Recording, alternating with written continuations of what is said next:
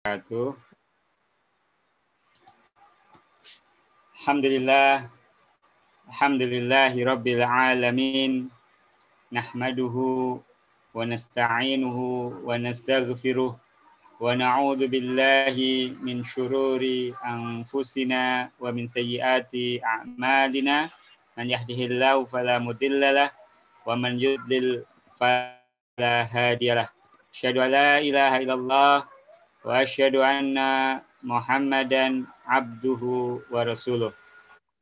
قال الله تعالى في القرآن الكريم بعد أن أقول أعوذ بالله من الشيطان الرجيم.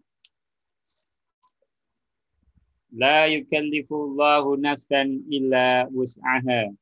لها ما كسبت وعليها ما اكتسبت. ربنا لا تؤاخذنا إن نسينا. Akhtana.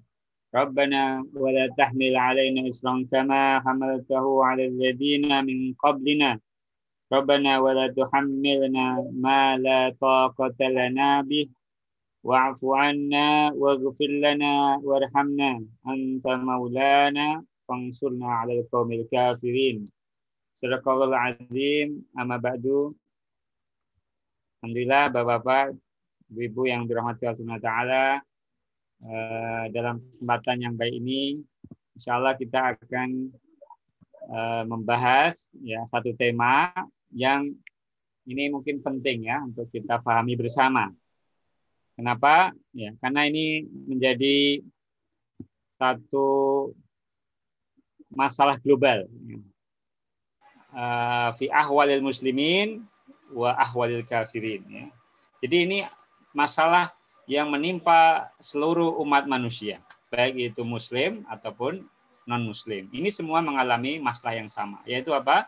Pandemi. Pandemi ini suatu hal yang, nah nanti sebelum saya bahas uzur, saya ingin sedikit membahas tentang pandemi. Karena masih ada beberapa polemik, syubhat yang ada di pandemi ini. Saya akan memulainya dengan pembahasan dari sisi ontologi. Kalau yang biasa belajar secara filosofis ya, ada ontologi, epistemologi, dan aksiologi. Ontologi itu apa? Ontologi itu menyatakan ini ada apa tidak. Ada barangnya apa tidak. Kalau sesuatu itu mau dibahas sebelum eh, dimulai panjang lebar, dipastikan dulu masalahnya ada apa tidak. Maka ada pertanyaan yang perlu kita jawab, apakah Anda percaya virus COVID-19 itu ada? Karena kalau kita jawab tidak percaya, ya selesai masalah. Kita nggak akan masuk ke bahasan yaitu udur dalam pandemi. Ya. Manusia terbagi, masyarakat kita, tidak hanya Indonesia ya, di Amerika Serikat dulu di awal-awal pandemi ya, korban terbesar pandemi ini adalah Serikat nomor satu. Nah, saya baca sekitar 500 ribu ke atas. Sekarang seluruh dunia itu sudah 3 jutaan ke atas. Saya angka detailnya nggak paham. Tetapi terbesar korban itu justru penduduk Amerika Serikat yang konon adalah negara maju. Karena apa? Penyebab terbesarnya adalah karena tidak percaya. Bayangkan kalau yang tidak percaya itu seorang pemimpin negara. Bayangkan yang tidak percaya itu seorang pejabat yang memiliki otoritas besar untuk melakukan pencegahan. Nah, kita perlu menjawab percaya atau tidak percaya. Kemudian di pertanyaan berikutnya, kita perlu membahas yang percaya ini terbagi menjadi dua kubu. Bahwa ini adalah virus baru, varian baru, karena corona udah ada sejak buku pelajaran IPA di SMA, ya. coronavirus ya. Bahkan ada namanya dokter corona, ada. Karena istilah corona itu istilah yang lama. Pandem, apa wabah juga pernah ada, ada apa SARS, ada MERS, ada flu Spanyol, ya, ada wabah cacar, smallpox, smallpox ya, itu dulu juga sangat mematikan. Ya. Tapi karena ada manusia adalah makhluk Allah yang diberikan akal, kemampuan beradaptasi, ya, wabah cacar bisa hilang dari muka bumi. Ya ada ada monumennya, ada museumnya terkait wabah cacar. Ataukah dia itu sebenarnya virus biasa, tapi dipopulerkan. Maka ada banyak yang meyakini virus ini ada, tapi nggak terlalu bahaya, ya kayak orang flu, batuk, pilek. biasa saja. Nah, kalau ini clear, kita masuk ke pertanyaan berikutnya. Ya. Kalau ini virus baru, dia rekayasa atau alami? Siapa yang bisa menyatakan ini rekayasa? Ya, siapa yang alami? Tentu para ilmuwan, ya, para ahli biologi molekuler ya, yang yang membedah virusnya. Karena virus ini taksonominya atau apa ya, genomnya atau istilah teknisnya itu pengelompokannya itu, itu mereka diketahui. Nama rekayasa itu biasanya virus yang lama kemudian di otak-atik tapi masih identik dengan yang lama. Karena manusia itu tidak bisa menciptakan makhluk.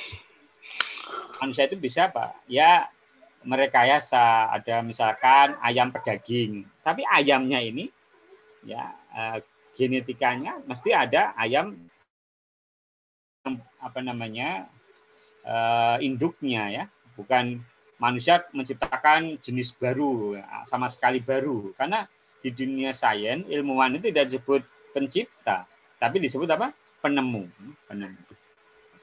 Ataukah dia benar-benar alami dari mutasi apa namanya virus yang awalnya ada di hewan, ya, kemudian menulari manusia, animal to human, kemudian human to to human. Nah ini kita perlu jawab juga. Ketika ini sudah clear, ya, ini alami, Nah, kita perlu jawab juga. Ada pihak-pihak yang secara sistematis mengambil keuntungan atau percaya bahwa ini semuanya berjalan secara wajar.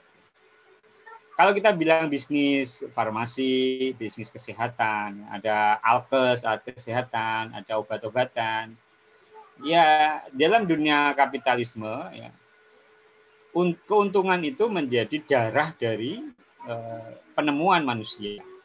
Jadi manusia berusaha keras mencari solusi karena dia punya motif apa? Mendapat keuntungan. Dan itu biasa saja.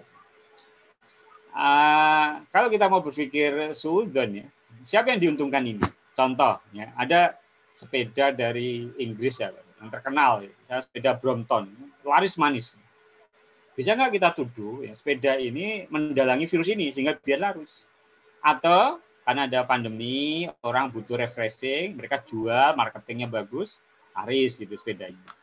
Atau masker. Dulu orang nggak ada yang beli masker. Saya mungkin sudah beli berapa box masker medis ya selama pandemi ini. Apakah itu alami permintaan penawaran atau itu sistematis? Termasuk apa anti uh, vaksin ya, vaksin. Kita kenal ada Pfizer, Moderna, Johnson Johnson, ada Sinovac, ada AstraZeneca. Apakah ini alami karena ada permintaan, ada riset, kemudian dijual dan ada pembelinya karena memang efektif. Nah ini kita perlu menjawab. Terkait bahwa ada orang yang mengambil keuntungan secara curang, ya misalkan merekayasa apa namanya data dan sos misalkan harusnya dibagi kepada yang berhak, kemudian dia mengambil keuntungan, nah itu soal lain. Ya. Karena manusia ada pandemi atau tidak, ya namanya monopoli beras, sembako, apalagi ya, daging, impor dan sebagainya, itu ada atau ada pandemi atau tidak, tetap ada. Korupsi ada pandemi atau tidak juga ada. Ya. Nah ini kita perlu clear dulu soal ada atau tidak. Nanti karena kita akan membahas soal uzurnya. Karena kalau tidak ada, otomatis uzurnya nggak relevan. Tapi kalau beneran ada, contoh di Indonesia, ya, saya pribadi ya kakak saya juga habis positif ya di kota lain di Jawa Tengah. Tapi alhamdulillah udah sehat. Tapi dari kesaksian kakak saya, kesaksian tetangga saya, kesaksian di media para ahli dan sebagainya, ya menyatakan atau saya punya kawan di rumah sakit jadi perawat, ada kawan dari dokter spesialis paru di rumah sakit. Ya. Mereka semua menyatakan mustahil orang datang berbondong-bondong ke rumah sakit hanya karena mereka secara serempak eh, berkonspirasi bersepakat untuk merekayasa penyakit ini. Penyakit ini ada. Dan penyakit ini berbahaya dan makanya kita perlu berhati-hati. Nah, ini kalau ini sudah clear, kalau kita sudah memahami ini clear, tidak ada syubhat, tidak ada ganjalan, nah, baru kita nanti akan masuk ke uzurnya. Kita akan masuk ke pembahasan uzurnya. Apakah bagaimana prinsip Islam dalam uh, memahami pandemi ini.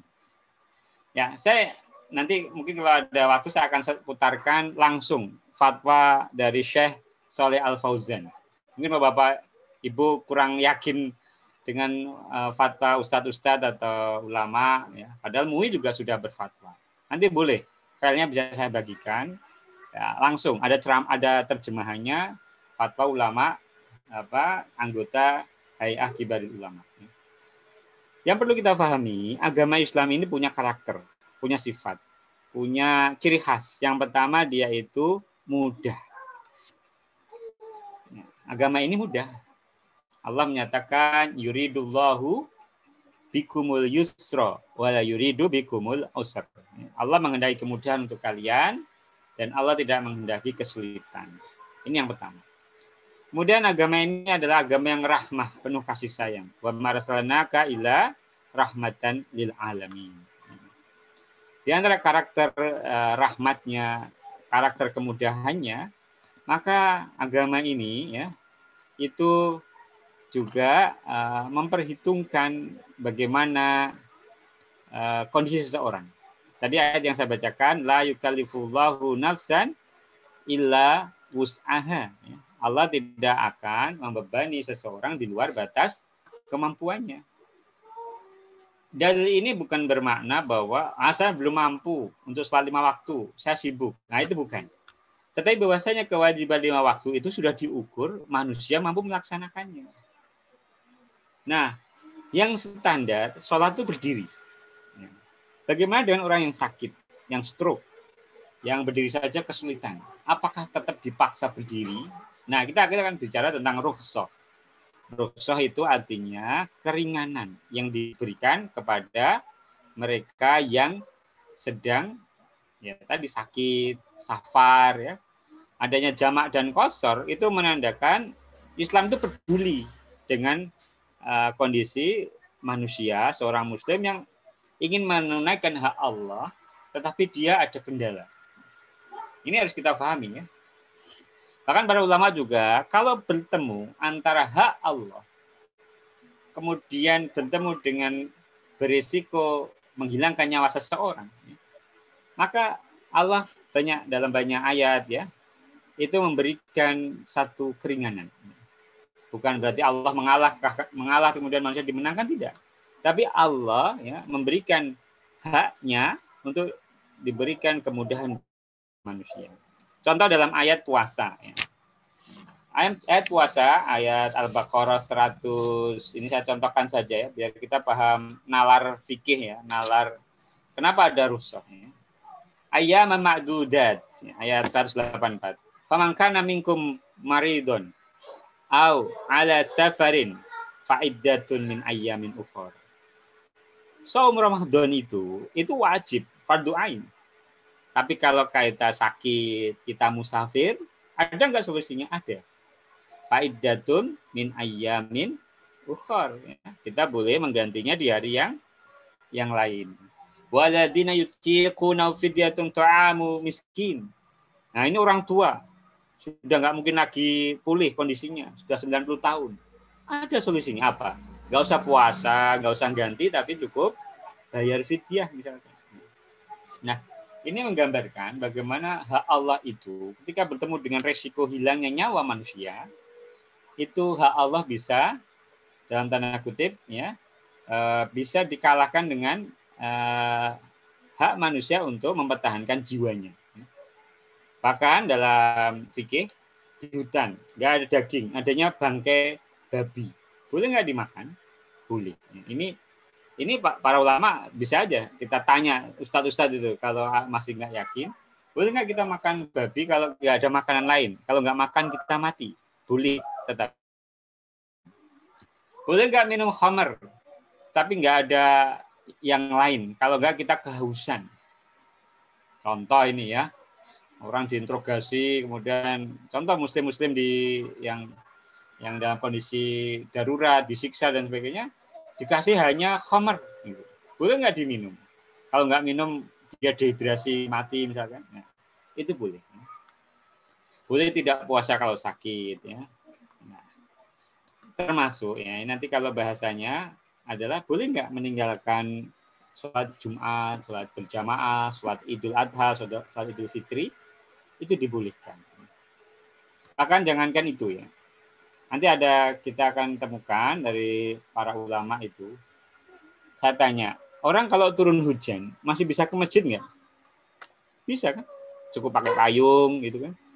Atau naik mobil, sekarang masjid juga ada garasinya gitu ya. Boleh nggak di rumah? Boleh. Bahkan ini ada riwayat ya. Itu Abdullah bin Abbas ya. Ketika turun hujan, jalan becek gitu kan. Kemudian muadzin mengucapkan karena ada caranya. Ketika datang hayya 'ala sholah itu adalah fal penggantinya yaitu sallu fi rihalikum. Kemudian manusia mengingkarinya. Maksudnya gini, masa cuma becek, cuma hujan kayak gini kok nggak ke masjid itu ya. Nah, apa kata Abdullah bin Abbas? Fa'alahu man huwa khairun minni. Telah melakukannya orang yang lebih baik daripada saya. Siapa? Nabi Muhammad. Jadi seorang ulama itu ya ketika mengajarkan sesuatu ya harus amanah. Ketika Rasulullah dalam hal ini memberikan rusuh ya disampaikan. Meskipun sebagian orang tidak terima gitu. Karena menganggap wah itu kok bermudah-mudah. Tidak. Saya akan bacakan uh, poin-poin usul fikih yang yang ini saya kira penting ya. Karena banyak yang sebenarnya ini fatwa ini sudah lama, tapi karena jarang dibahas, ya banyak yang tidak tahu ya. Nah, banyak yang tidak tahu. Ini fatwa nomor 14 tahun 2020, dikeluarkan 17 17 Maret 2020. Sudah setahun ini fatwa ini yang mengeluarkan MUI ulama kita ya. Nanti kalau yang ulama Saudi nanti kita kita berikan kalau memang dibutuhkan. Apa? Ini kaidah usul fikihnya. Yang pertama, kaidah usul fikihnya adalah la dororo wala diror. Ya, la dororo wala diror. Ini kaidahnya. Kaidah fikih. Tidak boleh membahayakan diri dan membahayakan orang lain. Bagaimana hukumnya kalau seseorang ini sudah tua, komorbid, dalam masa pandemi ini. Yang kalau ketularan dia fatal gitu. Tentu statusnya beda dengan orang yang sehat. Tapi masalahnya orang yang sehat itu di rumahnya ada anak kecil, ada orang tua, ada tetangga. Makanya kalau masih kondisi dulu ketika masih normal, masih kasus turun ya. Daerah kita misalnya zona hijau ya, bukan zona merah atau ya tentu beda. Maka tetap ke masjid, menggunakan social distancing, pakai masker, ya, ya semua semua dilakukan. Lalu bagaimana saya menjaga prokes? Tapi masjid saya nggak ada yang mau pakai prokes. Semuanya buka masker. Semuanya nggak jaga-jaga. Kakak saya, ini saya cerita kakak saya. Kakak saya itu di Blora sana. Beliau satu-satunya yang pakai masker. Tapi malah kena. Malah kena malah positif dan dan alhamdulillah sudah sembuh ya, sudah sembuh, sudah pemulihan. Artinya begini, situasi seperti ini itu tidak sama, tidak sama. Jadi ketika kita sudah tahu ini aman, semuanya sudah sepakat aman, mentaati prokes di desa itu nggak ada kasus, bolehlah kita tetap ke masjid, ya, menjalankan ibadah sebagaimana yang disunahkan. Tetapi ketika kasus tinggi, kayak di desa saya, saya ini, saya tanya ke Pak RT, berapa Pak kasus di desa kita? Ada 32 kasus. Tinggi. Dan sebagian isoman. Di rumah, bukan bukan ke ke mana, ke rumah sakit atau ke tempat itu. Dan nggak jamin isoman itu bisa bisa disiplin ya. Karena when uh, keluarganya tetap keluar masuk rumah, jangan dia tetap di rumah. Ini kan nggak nggak nggak aman sebenarnya. Ya, maka la dororo wala diroro, ya. tidak boleh membahayakan diri dan membahayakan orang lain. Kemudian kaidah kedua, kaidah ini bisa menjadi acuan kita dalam menyikapi udul di masa pandemi. Yang kaidah kedua adalah dar ulama fasidi muqaddamun ala jalbil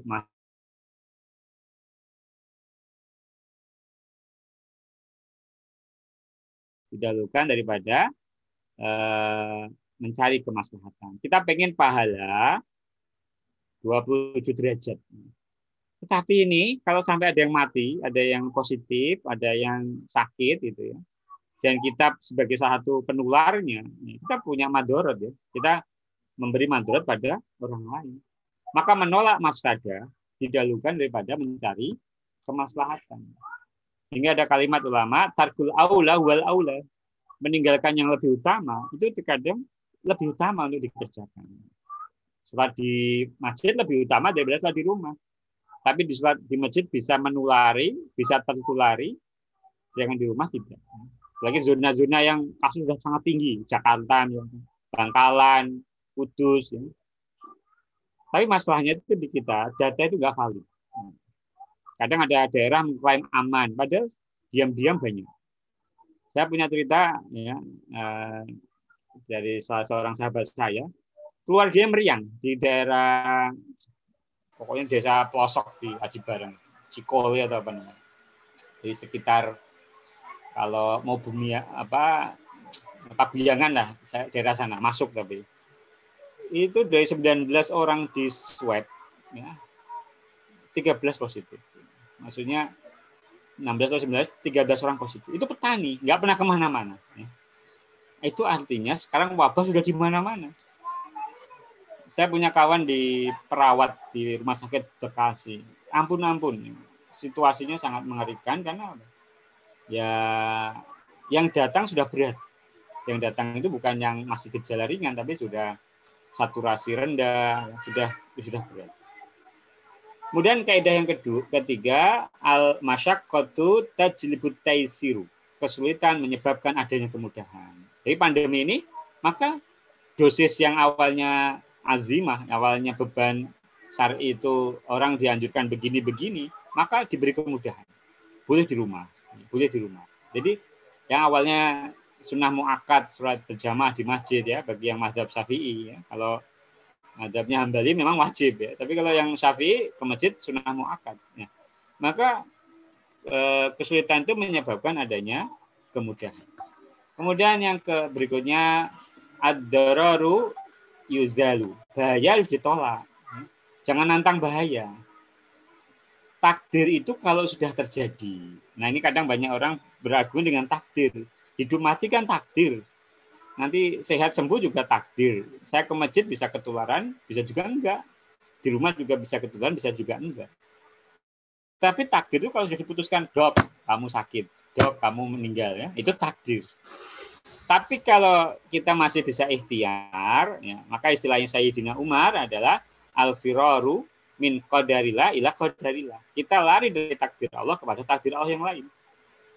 Nah, takdir Allah sekarang kita sehat kita bisa nggak pakai masker, bisa pakai masker. Kita taat prokes, bisa nggak taat prokes.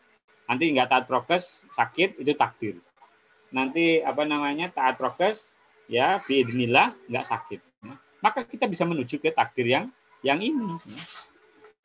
Begitu. Kemudian ad-dararu yadfa'u biqadril amakini. Amkani ya. Kemudaratan harus dicegah dalam batas-batas yang memungkinkan ya kan kita masih mungkin pakai jaga jarak, pakai masker, bapak ibu masih bisa kerja, ya, itu memungkinkan. Nah, maka harus dilakukan. Ad-daruratu tukot daru dariha. Nanti kalau udah pandemi hilang, ya tetap sholat Jumat wajib, ya. Kemudian apa namanya sholat itu Adha, itu Fitri, kemudian sholat berjamaah, ya kembali ke hukum asal. Jangan kebablasan. Jadi kita juga yang bisa ngukur, apa karena saya ini cemas, khawatir, atau karena saya hawa nafsu. Nah, itu kita juga harus tahu ya, apa kita hawa nafsu atau atau kita memang sesuai dengan kaidah fatwa para ulama. Kemudian tasarruful imami ala ra'iyati manutun bil maslahah. Kebijakan pemimpin terhadap rakyat harus mengikuti kemaslahatan. Maka muncullah poin-poin fatwa ya apa poinnya? Setiap orang wajib ikhtiar jaga kesehatan. Ya, karena termasuk al-doriyat al-khames ya. Apa itu khifdun nafas, khifdul mal ya dan seterusnya. Yang kedua, orang terpapar virus corona wajib menjaga dan mengisolasi diri agar tidak terjadi penularan kepada orang lain.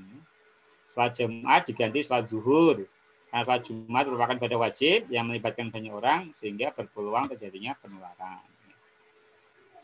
Apalagi sholat apa nama terawih dan sebagainya bisa bisa menyesuaikan. Maksudnya ya kalau masih nggak aman di rumah saja. Orang yang sehat dan belum diketahui dia tidak terpapar COVID harus memperhatikan hal berikut. Jika di daerah penularan tinggi, berdasarkan ketetapan yang berwenang, ia boleh meninggalkan sholat Jumat mengganti sholat zuhur. Ya. Dia berada di kawasan potensi rendah, ya, maka wajib jaga diri, tidak kontak fisik, ya, tidak bawa sajadah, sering membasuh tangan dengan sabun. Ya. Empat, tidak terkendali maka umat Islam tidak boleh menyelenggarakan sholat Jumat.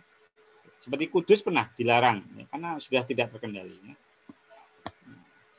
Kemudian kalau sudah terkendali, boleh sama pemerintah, sama pihak berwenang, ya, maka ya tetap menjaga diri agar tidak terpapar penyakit ini. Karena ini bukan si, menyelamatkan diri sendiri, tapi juga banyak orang. Kemudian pengurusan jenazah dan yang lainnya itu juga sesuai dengan protokol kesehatannya. Karena di Saudi sendiri, Kementerian Haji itu itu patuh sama Kementerian Kesehatan. Ini mau dibuka apa enggak, berapa batas maksimal itu para ulama itu bekerja sama dengan para ilmuwan, bukan maunya sendiri gitu ya.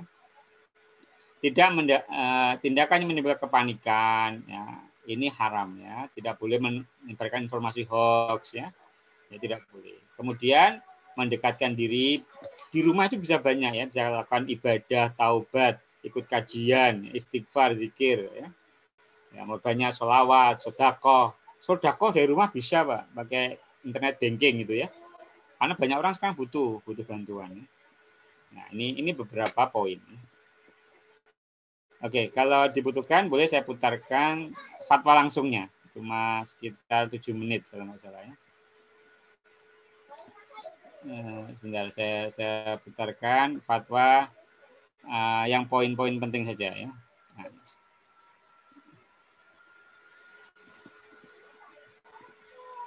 Sebentar.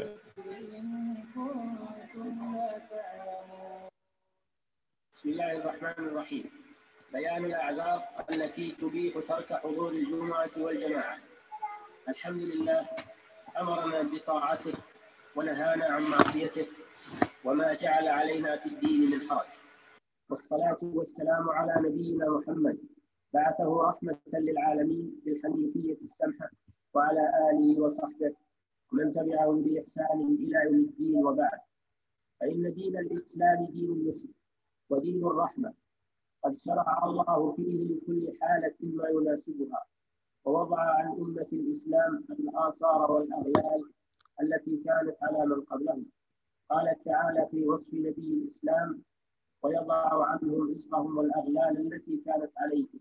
ومن ذلك أن الله سبحانه قد أوجب على الرجال حضور صلاة الجمعة والجماعة كتابة عينية إلا إذا كانت هناك ظروف يلزم يلزم معها الحرج والمشقة في الحضور للجمعة والجماعة فهنا يأتي التيسير ورفع الحرج. فيعذر المسلم في ترك الحضور نظرا لتلك الأعداد الشرعية الطارئة الأعلام المرض الذي يحق معه الحضور لأنه صلى الله عليه وسلم لما مرض تخلف عن الحضور وقال مروا أبا بكر فليحضر الناس متفق عليه. وفيه دليل على جواز تخلف المريض في الحديث الآخر من سمع النداء فلم يجب فلا صلاة له إلا من عذر. قالوا وما العذر قال خوف أو رواه أبو داود بإسناد صحيح. قال ابن المنذر لا أعلم خلافا بين أن للمريض أن يتخلف عن الجماعات من أجل المرض. وكذلك إذا خاف حدوث المرض فإنه يعذر في التخلف عن الجمعة والجماعة لأنه في معنى الجديد وكذا إذا خاف بالحضور زيادة المرض أو تأخر الضرع. وكذلك يعذر في ترك الحضور للجمعة والجماعة.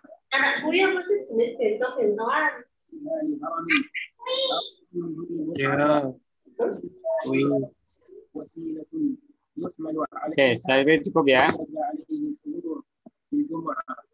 لعدم تكررها ولأنها لا بدل لها في الجمعة والجماعة. with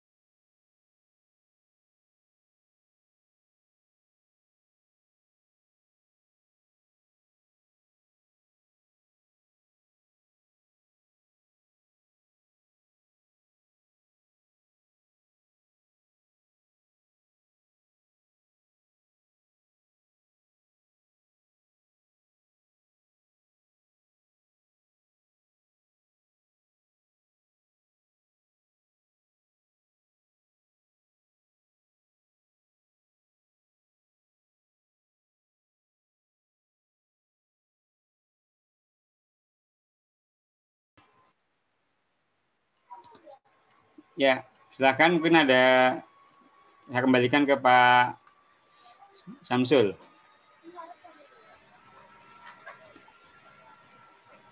Monggo yang mau bertanya silakan.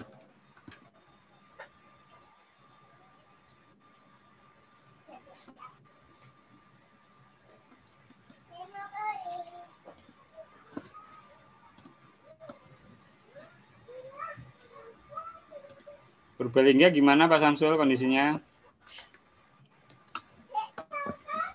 Kondisinya bahaya.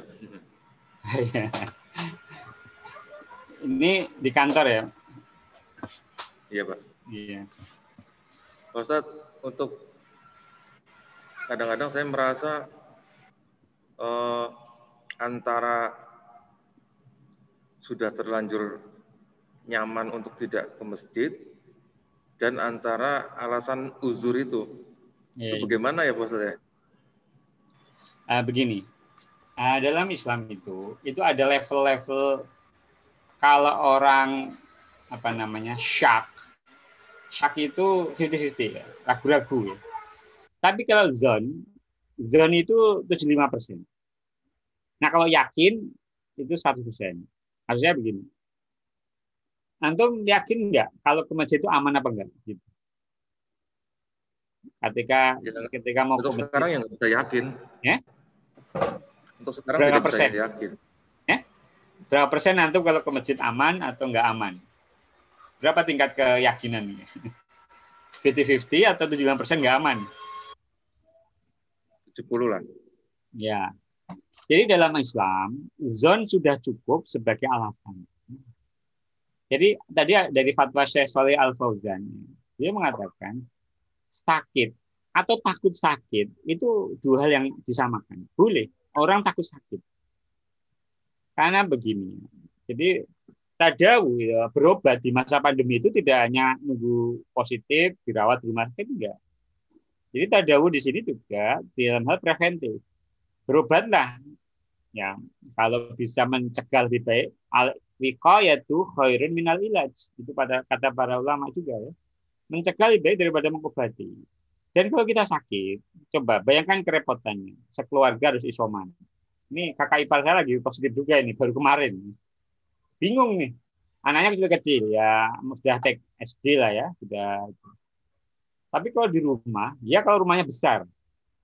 Kakak saya yang di luar rumahnya ada dua depan belakang. Isoman, kakak saya di rumah belakang, istrinya di rumah depan, anaknya diungsikan ke mertua. Repot sekali, dua minggu itu. Ya. Jadi kita nggak hanya berpikir saya ini positif apa enggak. Karena kalau secara secara potensi ya, peluang sembuh besar. Sebenarnya peluang sembuh besar. Tapi karena ini wabah, wabah itu nggak kayak, mohon maaf ya, penyakit individual. Wabah itu berpikirnya apa? No one safe until everyone safe. Tidak ada satupun yang aman sampai semuanya aman. Jadi usahakan benar-benar jangan sakit. Pertama, akan membebani dokter nakes. Saya punya kawan ya, harus rutin cuci darah. Di kalangan hemodialisis ini, ini mereka benar-benar terancam dengan ada lonjakan pasien. Mereka ke rumah sakit ketularan, mereka nggak cuci darah ya nggak ter apa namanya parah bisa meninggal gitu kan. Dan jumlah rumah sakit cuci darah khusus pasien COVID lebih langka lagi. Gitu. Maksud saya begini ya. Ini rumit. Nah, kata Sultan Jogja itu dulu waktu awal-awal pandemi, Allah berikan dalan bagi siapa siapa yang dalan. Allah paling dalan sapa wae sing gelem dalan. Kalau semua orang ngatur maunya sendiri, saya nggak mau ikut pemerintah. Saya disuruh di rumah saya nggak mau. Saya disuruh nggak mudik saya nggak tetap mudik. Hasilnya sekarang. Dulu orang bangga, saya waktu habis lebaran punya kawan di Jakarta, rumahnya di Madura, cerita dia, saya pulang ke Madura, nggak ada yang pakai masker, aman-aman saja. Coba sekarang gimana hasilnya? Artinya ilmuwan itu beda dengan peramal.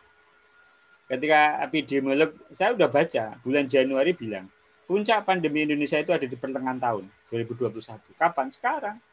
Juni, Juli. Akhir Juni. Ya. Pertengahan ini adalah puncak. Maka hati-hati. Ya. Ibaratnya, kalau sudah menjadi badai besar, jangan dilawan. Jangan merasa hebat. Ya. Dan juga ya saya baca nasihatnya Gusmus ya, Kiai Haji Mustafa Bisri. Jangan merasa lebih bertakwa dengan misalkan mengabaikan prokes gitu ya. Merasa lebih soleh gitu ya. Wah, yang lain nggak berani ke masjid, saya berani. Ah, itu jangan. Katakanlah kita di daerah yang aman, tetap ke masjid, tetap harus rendah hati. Misalkan kita tahu oh, ini aman lah. Misalkan nanti situasi sudah turun gitu ya. Tapi jangan sesumbar gitu, jangan jumawa. Nanti kalau jumawa sakit, nanti yang mendoakan sedikit. Khawatirnya banyak nyukurin syukur gitu ya kemarin suruh prokes nggak mau gitu misalkan begitu nah naudzubillah min dalik makanya uh, wabah itu harus dipahami.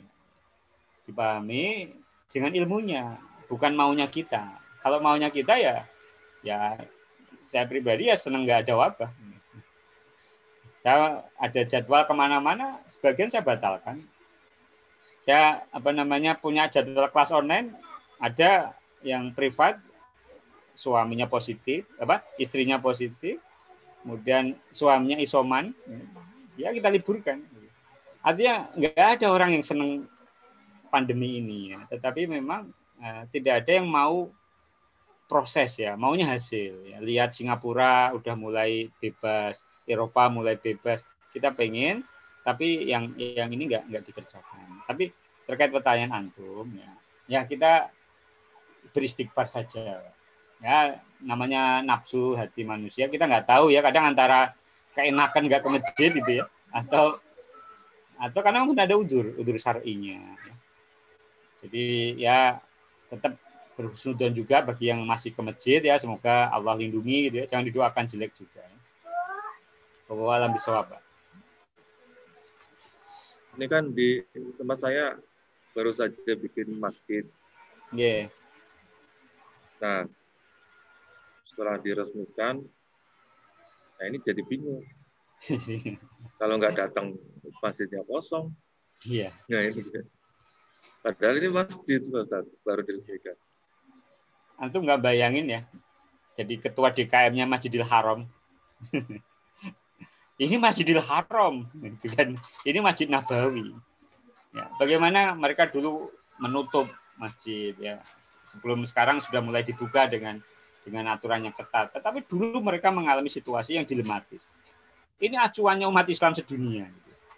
Bahkan ada yang menuduh-nuduh ya, ah, itu ulama Saudi Saudi tekan Amerika, Amerika dan macam-macam lah kata-kata orang. Ya, kata-kata orang-orang ya mohon maaf ya mengomentari ulama itu itu hati-hati. Daging ulama itu beracun.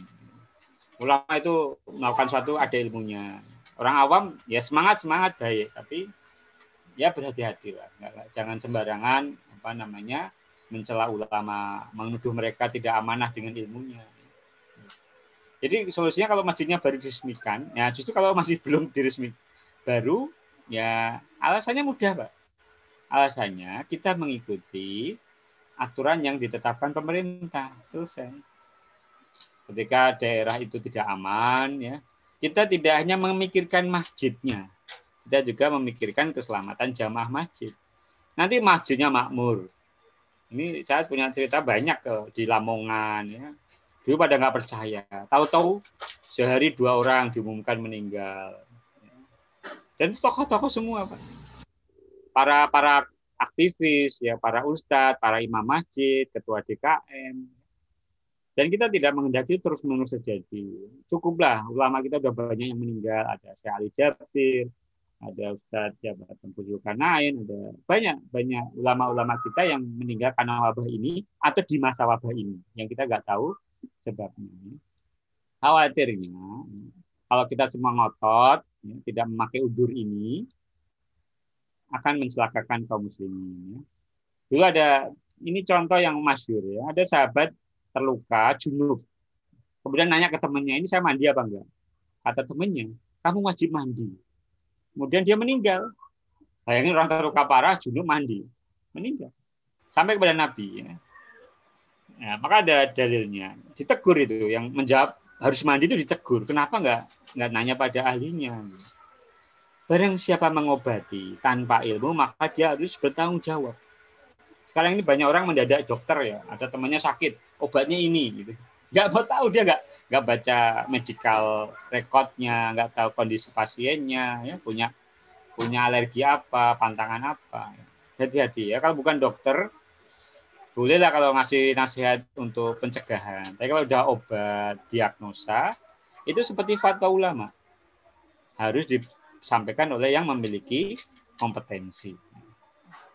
Nah, ya kayak orang nyetir lah ya nggak bisa nyetir nyetir mobil nabrak nabrak begitu. Jadi nggak usah khawatir, nggak usah was-was. Fatwa MUI itu adalah solusi atas kebingungan umat Islam di Indonesia itu sudah diputuskan dengan matang ya. Karena ini kasus kalau dibiarkan ya, kalau sampai burn out apa namanya rumah sakit kolaps itu ya. Tenaga medis kan juga manusia ya, punya capek, punya takut, punya emosi, bisa marah. Bagaimana kalau dokter perawat itu resign, masal? biarin udah biarin. Apa yang terjadi? Anggarannya hilang nggak diberitakan. Apa yang terjadi? Musibah besar pak. Bencana kemanusiaan. Maka eh, tanggung jawab tidak hanya di pundak pemerintah tapi juga di tokoh masyarakat para masyarakat semuanya. Kita semua kulugum roin wa mas'ulun an ro'yatihi jangan pokoknya ya kita harus mau tahu dan kita mengikuti apa kata pakar, jangan mengikuti apa yang mendadak pakar. Bukan siapa siapa nggak jelas ngomong kita ikuti, kemudian celaka. Orang seperti ini nggak akan mau bertanggung jawab. Tapi kalau pakar ahlinya bisa kita minta tanggung jawabnya. Bahwa alam bisawab. Cukup? Ada yang lain? Monggo. Kalau cukup, kita akhiri ya. ya. Kita akhiri dengan doa. Kita uh, doakan kaum muslimin. Allahumma kfir lil muslimina wal muslimat wal mu'minina wal mu'minat al ahya'i minhum wal amwat innaka jami'un qarib sami'un qaribun mujibud da'wat. Allahumma inna na'udzubika minal barosi wal jununi wal judami wa sayyi'il ahkam. Allahumma rfa'annal waba'a wal bala'a. Allahumma unsur ikhwanana muslimin ad-du'afai al-maridin kulluhum. Rabbana atina fid dunya hasanah wa fil akhirati hasanah wa qina adzaban nar. Subhana rabbika rabbil izzati amma yasifun wa salamun alal mursalin walhamdulillahi rabbil alamin.